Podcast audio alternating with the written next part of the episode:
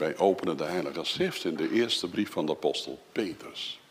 1 Petrus en daarvan het eerste hoofdstuk. De versen 3 tot en met 25.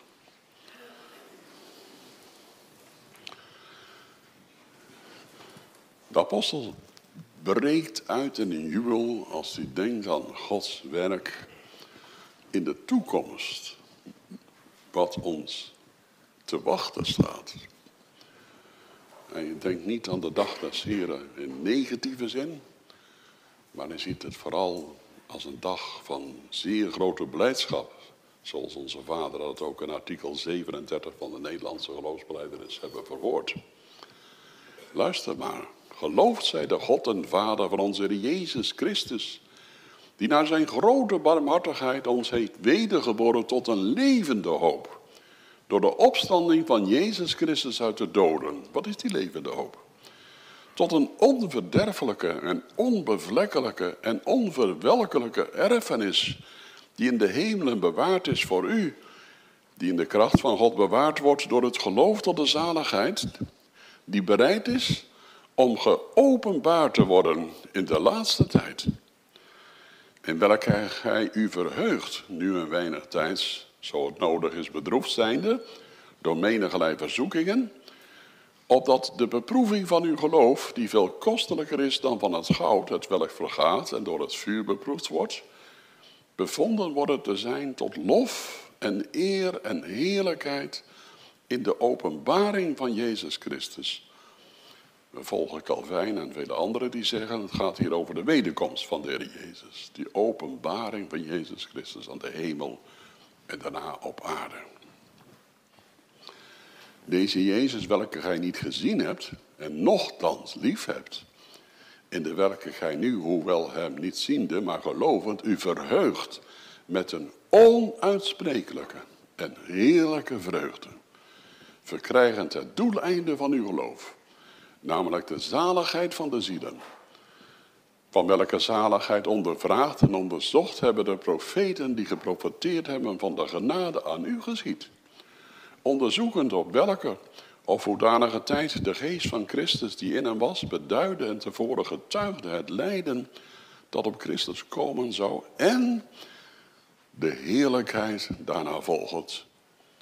De welke geopenbaard is, had zij niet zichzelf, maar ons bediende deze dingen, die u nu aangediend zijn bij degenen die u het evangelie verkondigd hebben, door de Heilige Geest, die van de hemel gezonden is, in welke dingen de engelen begeerig zijn in te zien.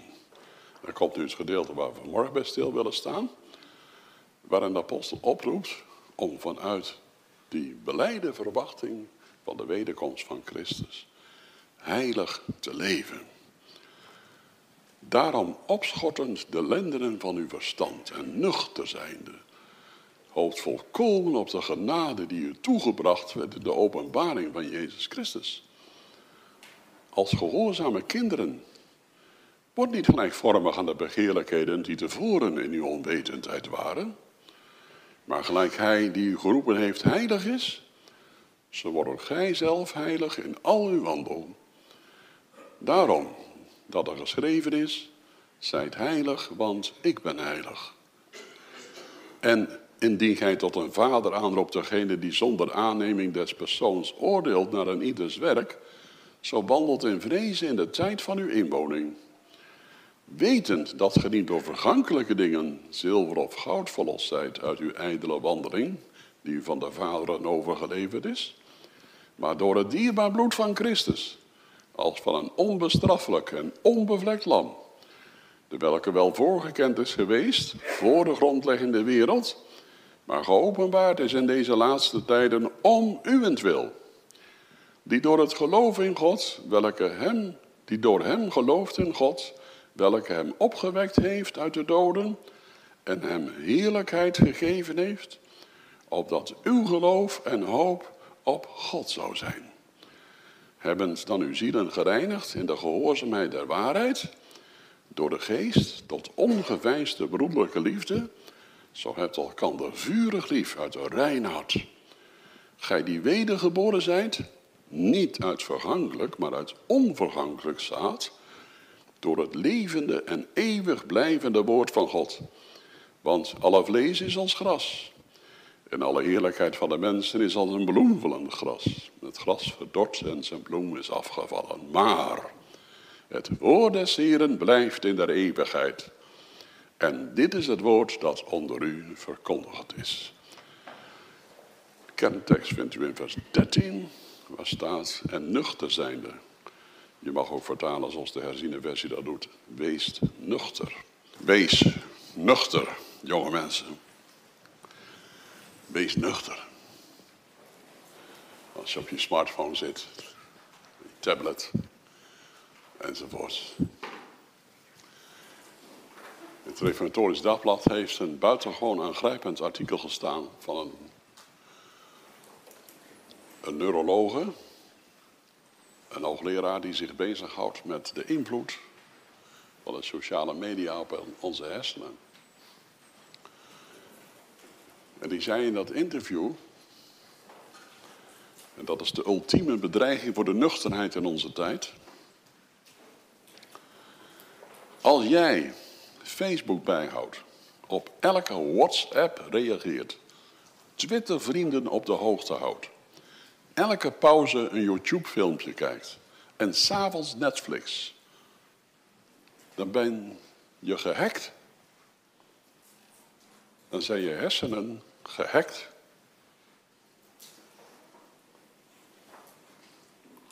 Ik vond dat heel aangrijpend. En nadat ik dat artikel gelezen heb, heb ik gedacht aan zoveel gesprekken met mensen die ook gehackt zijn op een andere manier. Door allerlei veronderstellingen, opvattingen, nepnieuws. Wat is eigenlijk dan waarheid? Daar kunnen we nog zeker van zijn. Om maar te zwijgen over de mensen die bij het heilige avondmaal ook allerlei opvattingen in hun hoofd hebben die niet in de Bijbel staan. Zoals bijvoorbeeld, als je zondigt, dan eet en drink je zelf een oordeel. Terwijl de apostel dat absoluut bedoelt in het kader van de onderlinge band in de gemeente.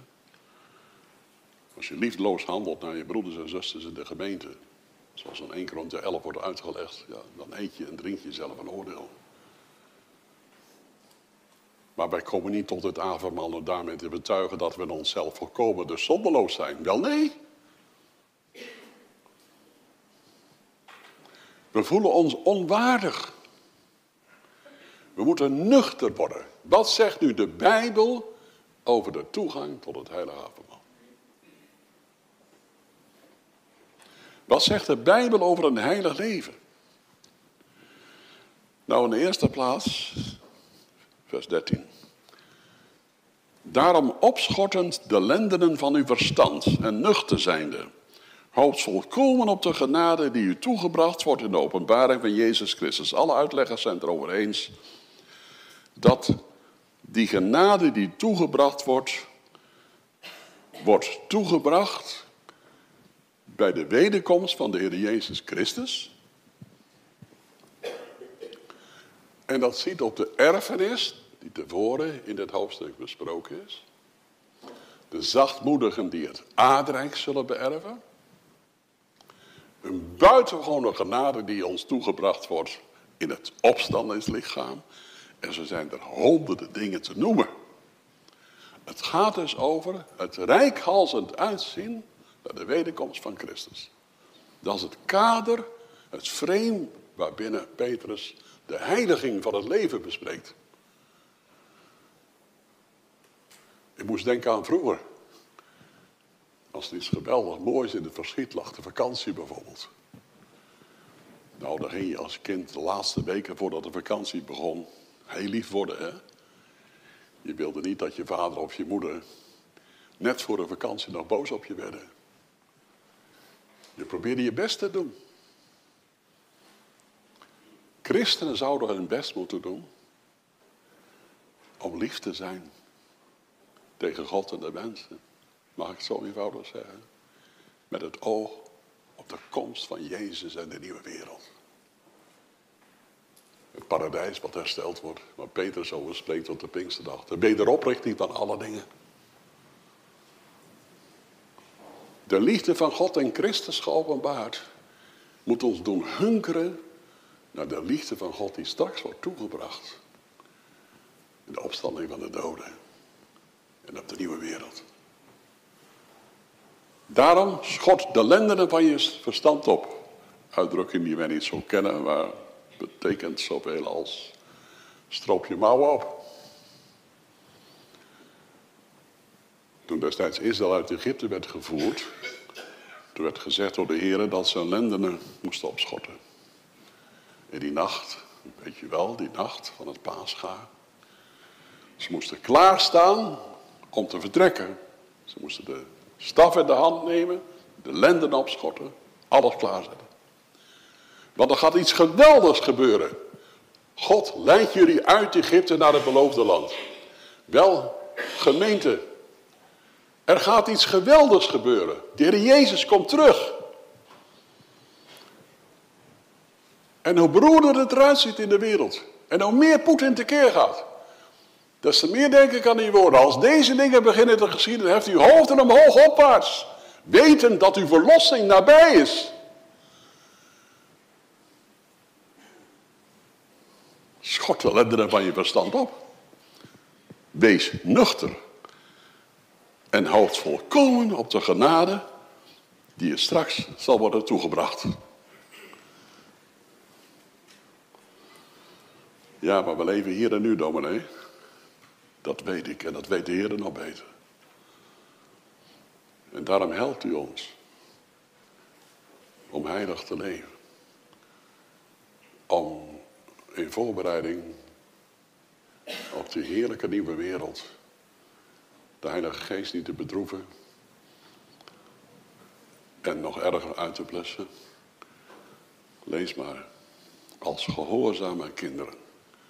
Word niet gelijkvormig aan de begeerlijkheden die tevoren in uw onwetendheid waren. Gelijkvormig worden is gevormd worden naar. Een van de beroemdste geleerden aller tijden, Wolfgang Goethe, heeft dus gezegd: We worden gevormd door hetgeen we lief hebben. Je wordt als mens gevormd door hetgeen je lief hebt. Of deze wereld, of Heer Jezus Christus. En in dat laatste geval word je zelfs naar zijn beeld hervormd. Je gaat lijken op wie je lief hebt. Of modern gezegd, jonge mensen. Je gaat lijken op wie je lijkt. Ik weet niet waar jij op lijkt. Waarschijnlijk wil je daarop lijken. Maar een kind van God is een mens die wil lijken op Jezus. Ik wens te zijn als Jezus, maar helaas, ik ben het niet. Dat kennen we allemaal zo. Tenminste, als je genade kent, dan weet je van die strijd. Het wetticisme gaat er anders mee om. Vers 15. Gelijk hij die u geroepen heeft heilig is, zo wordt ook gij zelf heilig in al uw wandel. Ja, we moeten heilig zijn, staat er. Zoals Jezus heilig is, wordt ook gij zelf heilig in al uw wandel. Dat die zit zegt, ik moet die zonde de deur uit doen. Ik moet anders gaan leven.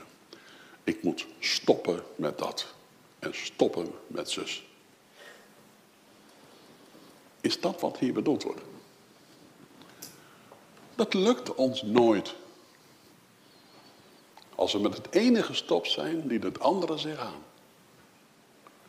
Als we de ene zonde de deur uit gedaan hebben, komt de andere zonde de voordeur weer binnen. Wat bedoelt de apostel dan? Gelijk hij die u geroepen heeft. heilig is, wordt ook gij zelf heilig in al uw wandel.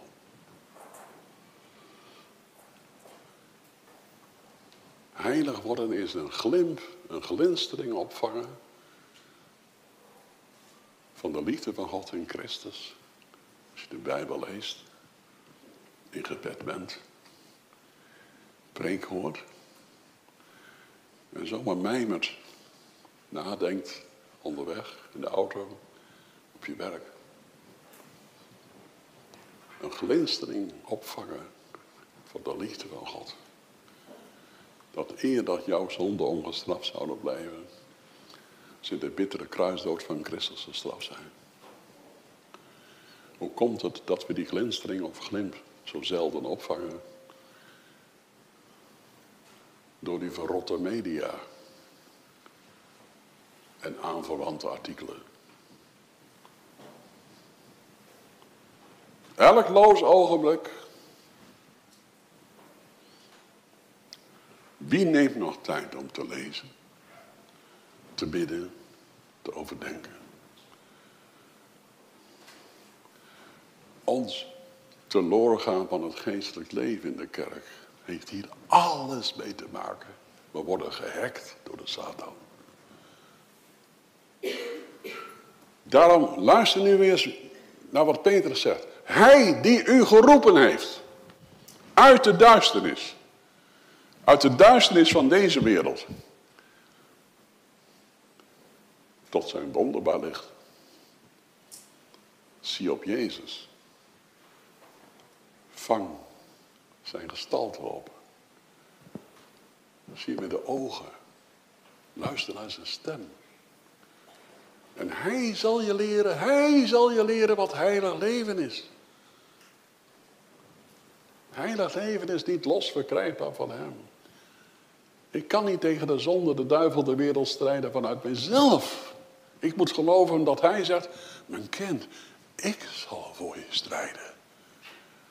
En gij zult stille zijn.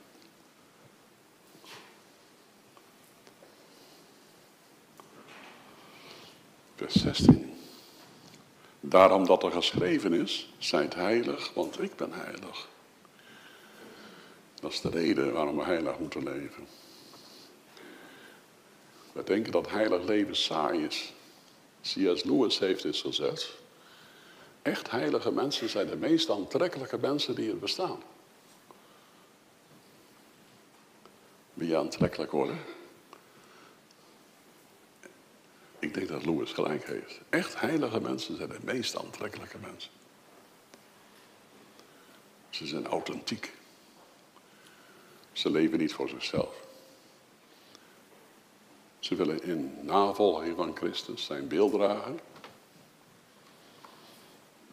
Ze zijn veel meer gestorven aan de wereld en haar begeerlijkheid. Ze hebben geleerd de wapenrusting van God aan te trekken in de strijd tegen de Satan.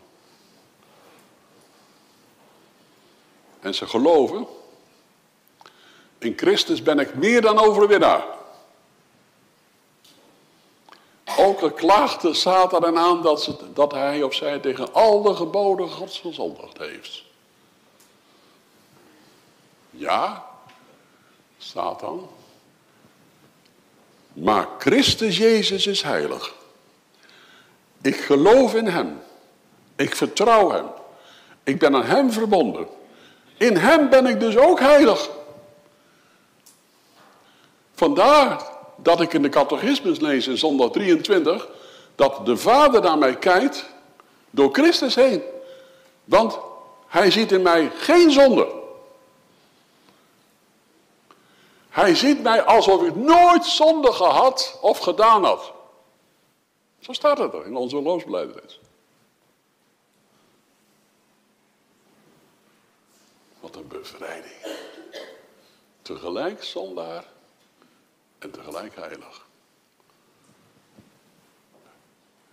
De grote slogan van de Reformatie. Wordt het toch verstaan? Wordt het toch verstaan? Wees nuchter. Dit is de leer van de Bijbel. Wie tot het kruis de toevlucht heeft genomen, tot geloof is gekomen in hem. Die is tegelijk zondaar en tegelijk heilig. In Christus heilig, in zichzelf zondaar. Er staat ook niet in deze tekst, wees zonderloos, omdat Christus zonderloos is. Wees heilig. Dat is heel wat anders. Heilig is toegewijd. Zoals je aan een goede vriend of vriendin, of je man of vrouw, of je kinderen, je ouders toegewijd kunt zijn. Dat, dat heeft iets van, wil ze liefst omhelzen. Heilig betekent, je bent apart gezet om toegewijd te zijn, om ja, juist voor deze mensen alles te doen en, en lief te hebben tot het einde.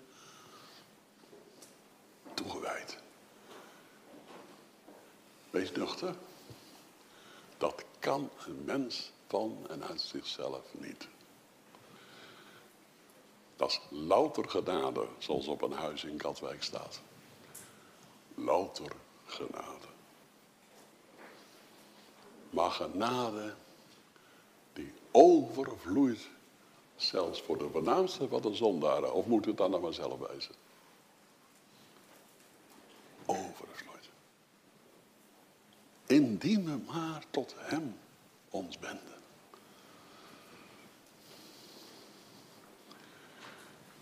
Ik hoor mensen wel eens zeggen, Dobre, het is voor mij zo moeilijk om een avondmaal te gaan, want we zijn zonde, hè? We zijn zonde. En dat verandert niet als je naar voren loopt. Is dat waar? Wees nuchter. Waar staat in de Bijbel dat we zonde zijn? Nergens. We beroven Christus van zijn eer. Als in de Filipijnse brief staat. Hij is voor ons tot zonde gemaakt. Alleen Jezus Christus is zonde geworden. Toen hij daar als een vervloekt aan het kruis hing. Niemand verder. Wij doen zonde. En we zijn zondaren. Maar we zijn niet zonde. Wij doen zonde. En daarom zoeken we de zaligheid buiten onszelf in Jezus. De gouden greep van de reformatie, zoals dat op de avondbalsformulier staat. Hoewel wij midden in de dood liggen, zoeken we de zaligheid buiten onszelf in Christus Jezus. Dus laat je nou niet weerhouden door die domme gedachten. Onbijbelse gedachten. Wees nuchter. Ik mag en moet komen zoals ik ben. Ooit heeft een bekende predikant in Middelburg gestaan, dominee Smijtergeld.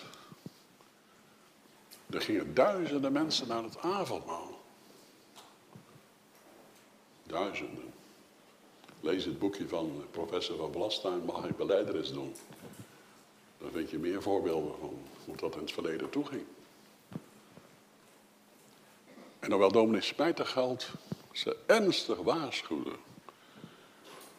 Want ook hij zag natuurlijk wel dat er van die duizenden velen waren. Wie leven in strijd was met de avondmassa. Hoewel die ze ernstig waarschuwde, zei hij toch als het avondmaal is.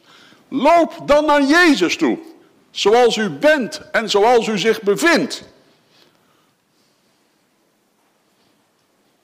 Ik vraag me af of ik dat ooit gedurfd heb. Om het zo te zeggen.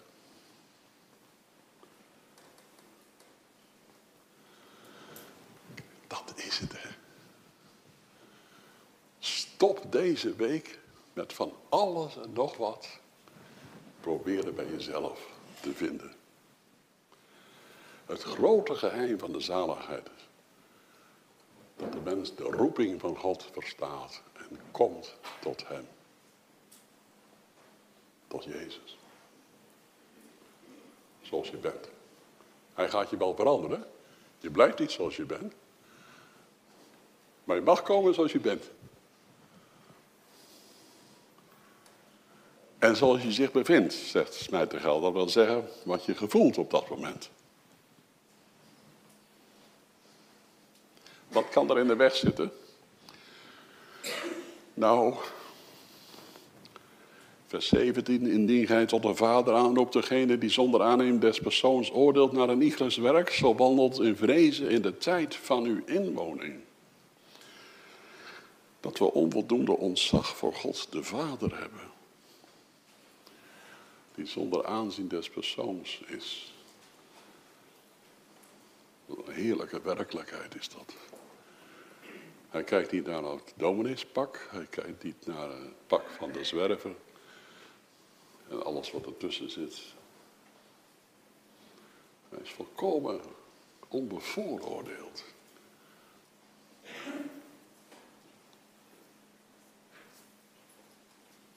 Wees er nou eens gerust op. Als volgende week avondmaal is, dat je absoluut niet moet denken, wat zullen de mensen ervan zeggen? Dat al helemaal niet. Maar dat je zult denken wat God ervan zegt. Ik ben zonder aanzien des persoons.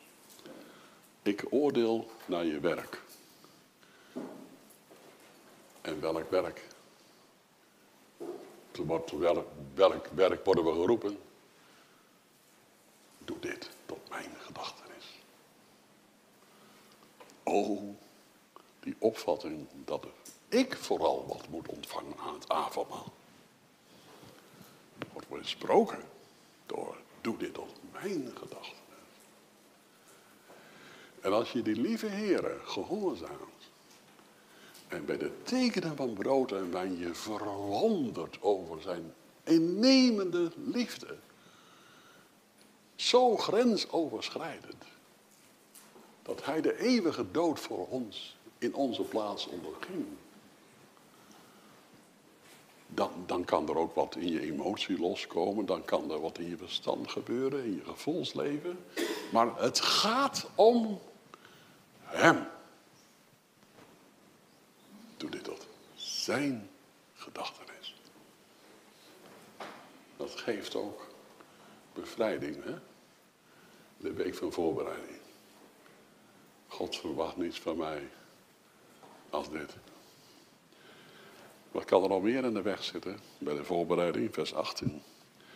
Weten dat ge niet door vergankelijke dingen zilver of goud verlost zijt uit uw ijdele wandeling, die u van de Vader overgeleverd is. Nou ja, zilver of goud, dat zal misschien nog niet zo'n rol spelen nu, maar ik denk wel dat allerlei zinnetjes die ons overgeleverd zijn uit het verleden, versteende tradities, ons kunnen hinderen. Ik spreek regelmatig mensen die zeggen, dominee, als ik denk aan het avondmaal, dan denk ik, ik ben nog niet voldoende, uh, ik ben er nog niet klaar voor, want ik heb niet genoeg berouw. Of, er is nog er moet nog iets gebeuren in mijn leven.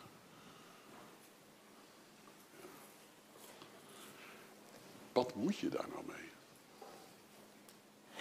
Is dat dan een ijdele traditie? Is dat verkeerd dat onze vaderen ons dat overgeleverd hebben? Weten dat ge niet door vergankelijke dingen verlost zijt uit uw ijdele wandeling die u van uw vaderen overgeleverd is? Nee, het is goed dat onze vader ons wezen op het gevaar van oppervlakkigheid. En nou ja, ik heb pleidenis gedaan, dus ik ga het avondmaal. Of uh, ik geloof en het komt goed. Komt goed. Want er gebeurt ook wat in je leven. Als je tot geloof komt. Of die. Hangt er alleen van af. Hoe omschrijf je dat gebeuren? Is het een crisiservaring? Moet dat?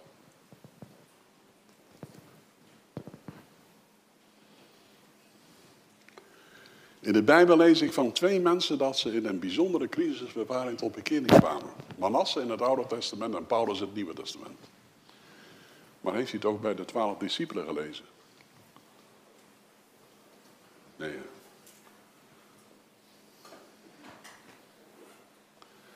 Als het zo zou zijn, dat kan ook zo'n overlevering zijn die in je hoofd zit van vroeger, zo'n traditie, dat er iets bijzonders moet gebeuren als dat in je hoofd zit. Bedenk, dan is Calvijn niet echt bekeerd. Calvijn heeft geen crisiservaring gehad toen hij tot bekering kwam. Dat is vader Brakel niet bekeerd. Matthew Henry, de beroemde Bijbelverklaarder, is dan niet bekeerd. Wilfred Floor, John Newton, ik noem er zomaar een paar, die geen bijzondere bekering hebben ervaren, geen bijzondere crisiservaring.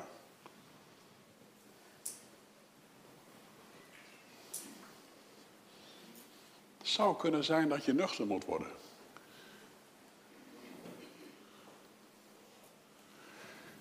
Ja, maar dominee, er zijn mensen die dat wel ervaren hebben. Ja, zeker, dat is God vrij in. Ik denk bijvoorbeeld aan Luther, Augustinus en Bunyan. Die hebben een ingrijpende crisiservaring gehad.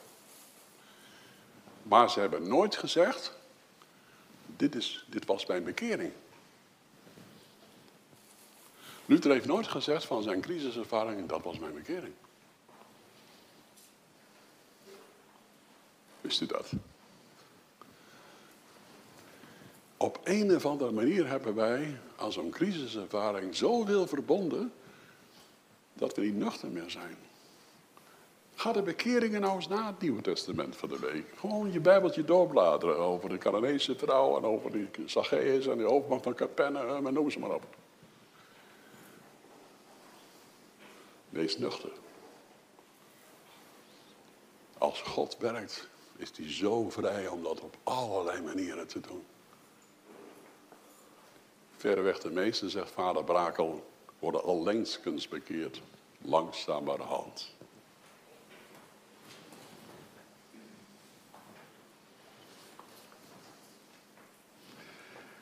Ja, en dan wat er in vers 19 staat. U bent verlost door het dierbaar bloed van Jezus Christus als van een onbestraffelijk en onbevlekt lam.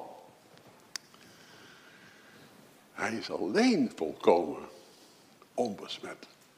Heilig in de diepste betekenis van het woord. Daarom heb ik hem zo lief. Omdat hij is wat ik niet ben in mezelf. En hij mij toerekent wat ik niet heb. De Vader ziet mij aan in Christus.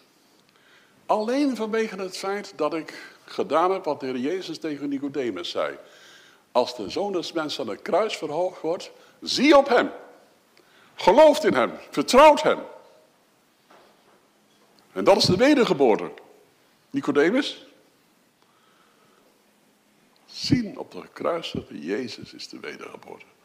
Het heeft lang geduurd hoor, voor de Heer mij overreden om dat te geloven. Maar ik zat te wachten op iets bijzonders.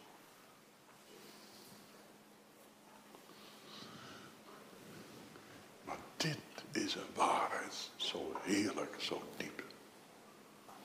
Calvijn heeft gezegd, wat is de wedergeboorte?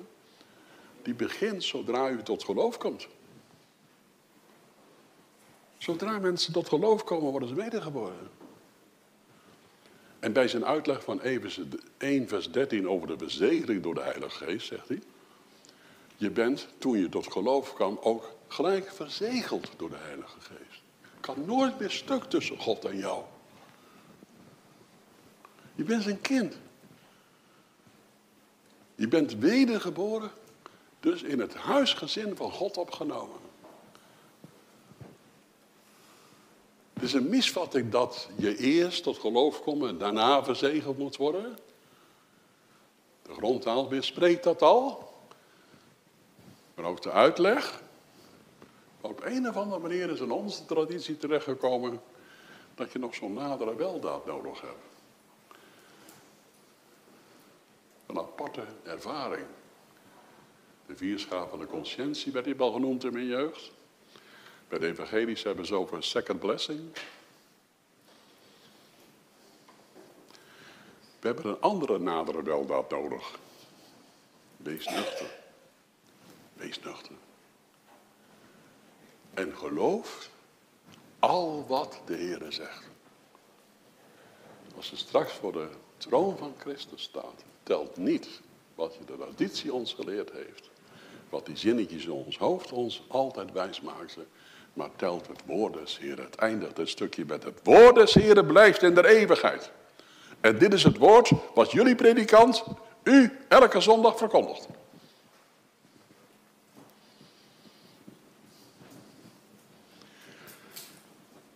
In vers 22 staat, hebben er dan uw zielen gereinigd in de gehoorzaamheid der waarheid door de geest, tot ongeveinsde broederlijke liefde. Zo hebt elkaar vurig lief uit de reinheid.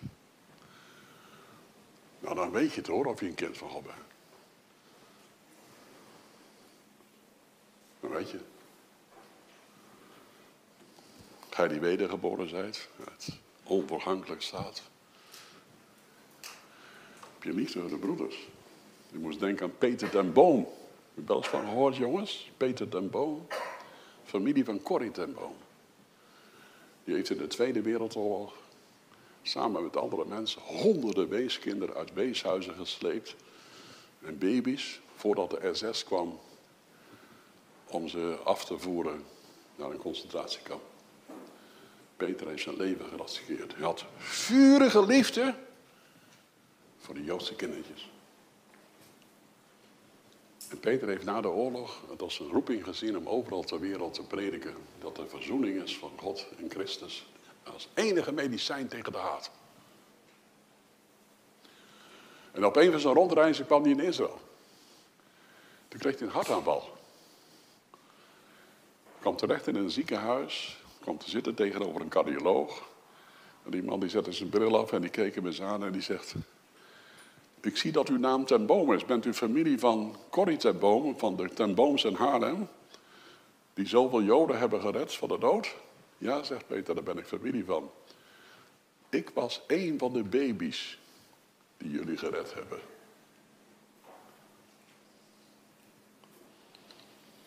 Ik wil maar zeggen, lieve mensen. Vurige liefde komt terug. Dat is de beste investering in je relatie. En het beste medicijn tegen de onzekerheid ben ik van een kind van God. Hebt elkander vurig lief uit de reinheid, zonder bijbedoelingen, zonder ik moet er wat voor terugkrijgen. Gewoon omdat je de ander wil liefhebben. Omdat Christus dat wil. Omdat Hij in je werkt en woont. Want je bent wedergeboren uit onvergankelijk zaad. Hè? Dat, natuurlijk, je lichaam gaat ontluisteren. Natuurlijk is het zo, als je straks in de kist ligt, dan is het een verschrikking voor degenen die om je heen staan dan. Als ze dat ontluisterde lichaam zien liggen. En wat daarna gebeurt in het graf, dat is allemaal waar. En één ding is nog meer waar. Wie in Christus gelooft, die heeft het eeuwige leven. Al ware hij gestorven.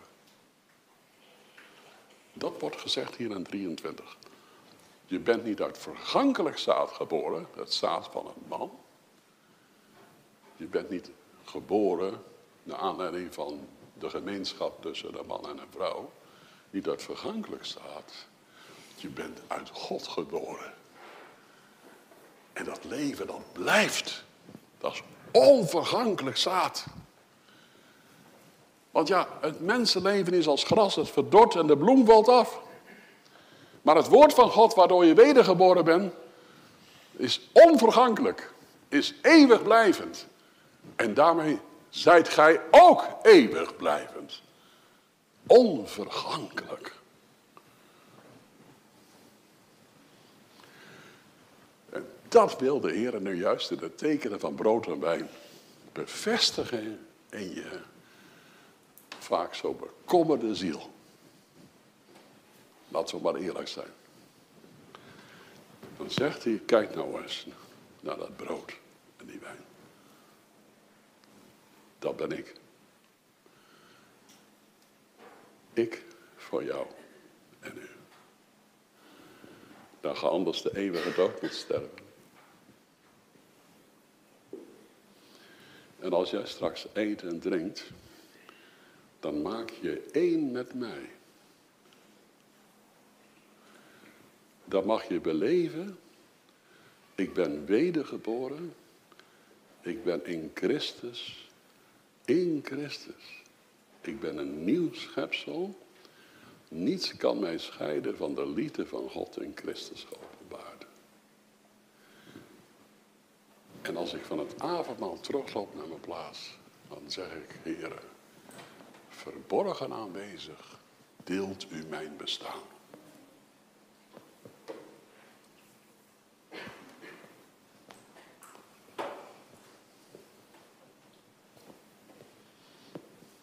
Wees nuchter.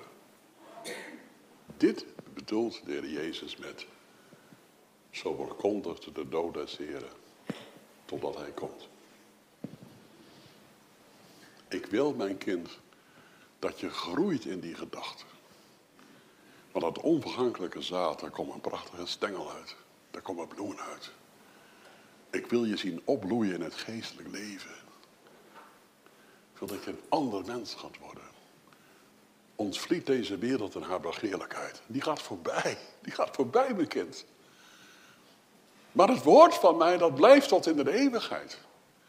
Koester dat woord. Leef eruit. Leef met mij. Wandel met mij. Hoor mij. Heb mij lief. Ja, zegt iemand. Dat is het nuchterheid. Waar we behoefte aan hebben. Ja, dat wisten ze de vroege kerk ook. Hè? Dat je die dus van nature niet hebt en ook na ontvangen genade niet uit jezelf kunt halen. En weet je waarom ze, dan, waarom ze dan in de vroege kerk als het avondmaal werd? Het volgende ritueel hadden. De predikant zei, sorsum corda. Harten omhoog. Hier beneden is het niet de kracht, het geloof, de liefde, de hoop. Hart naar boven. En wat zei de gemeente dan? Wij hebben onze harten naar boven geheven. Zo begon de avondmaalsdienst. Wel, geven de Heer volgende week maar even de welzijn. Dat je zo de dienst mag ingaan. Want laat hij zich niet onbetuigd. Ik ben met u. Wees nuchter. Al de dagen. Ook de dagen waarop de tafel staat aangericht. Amen.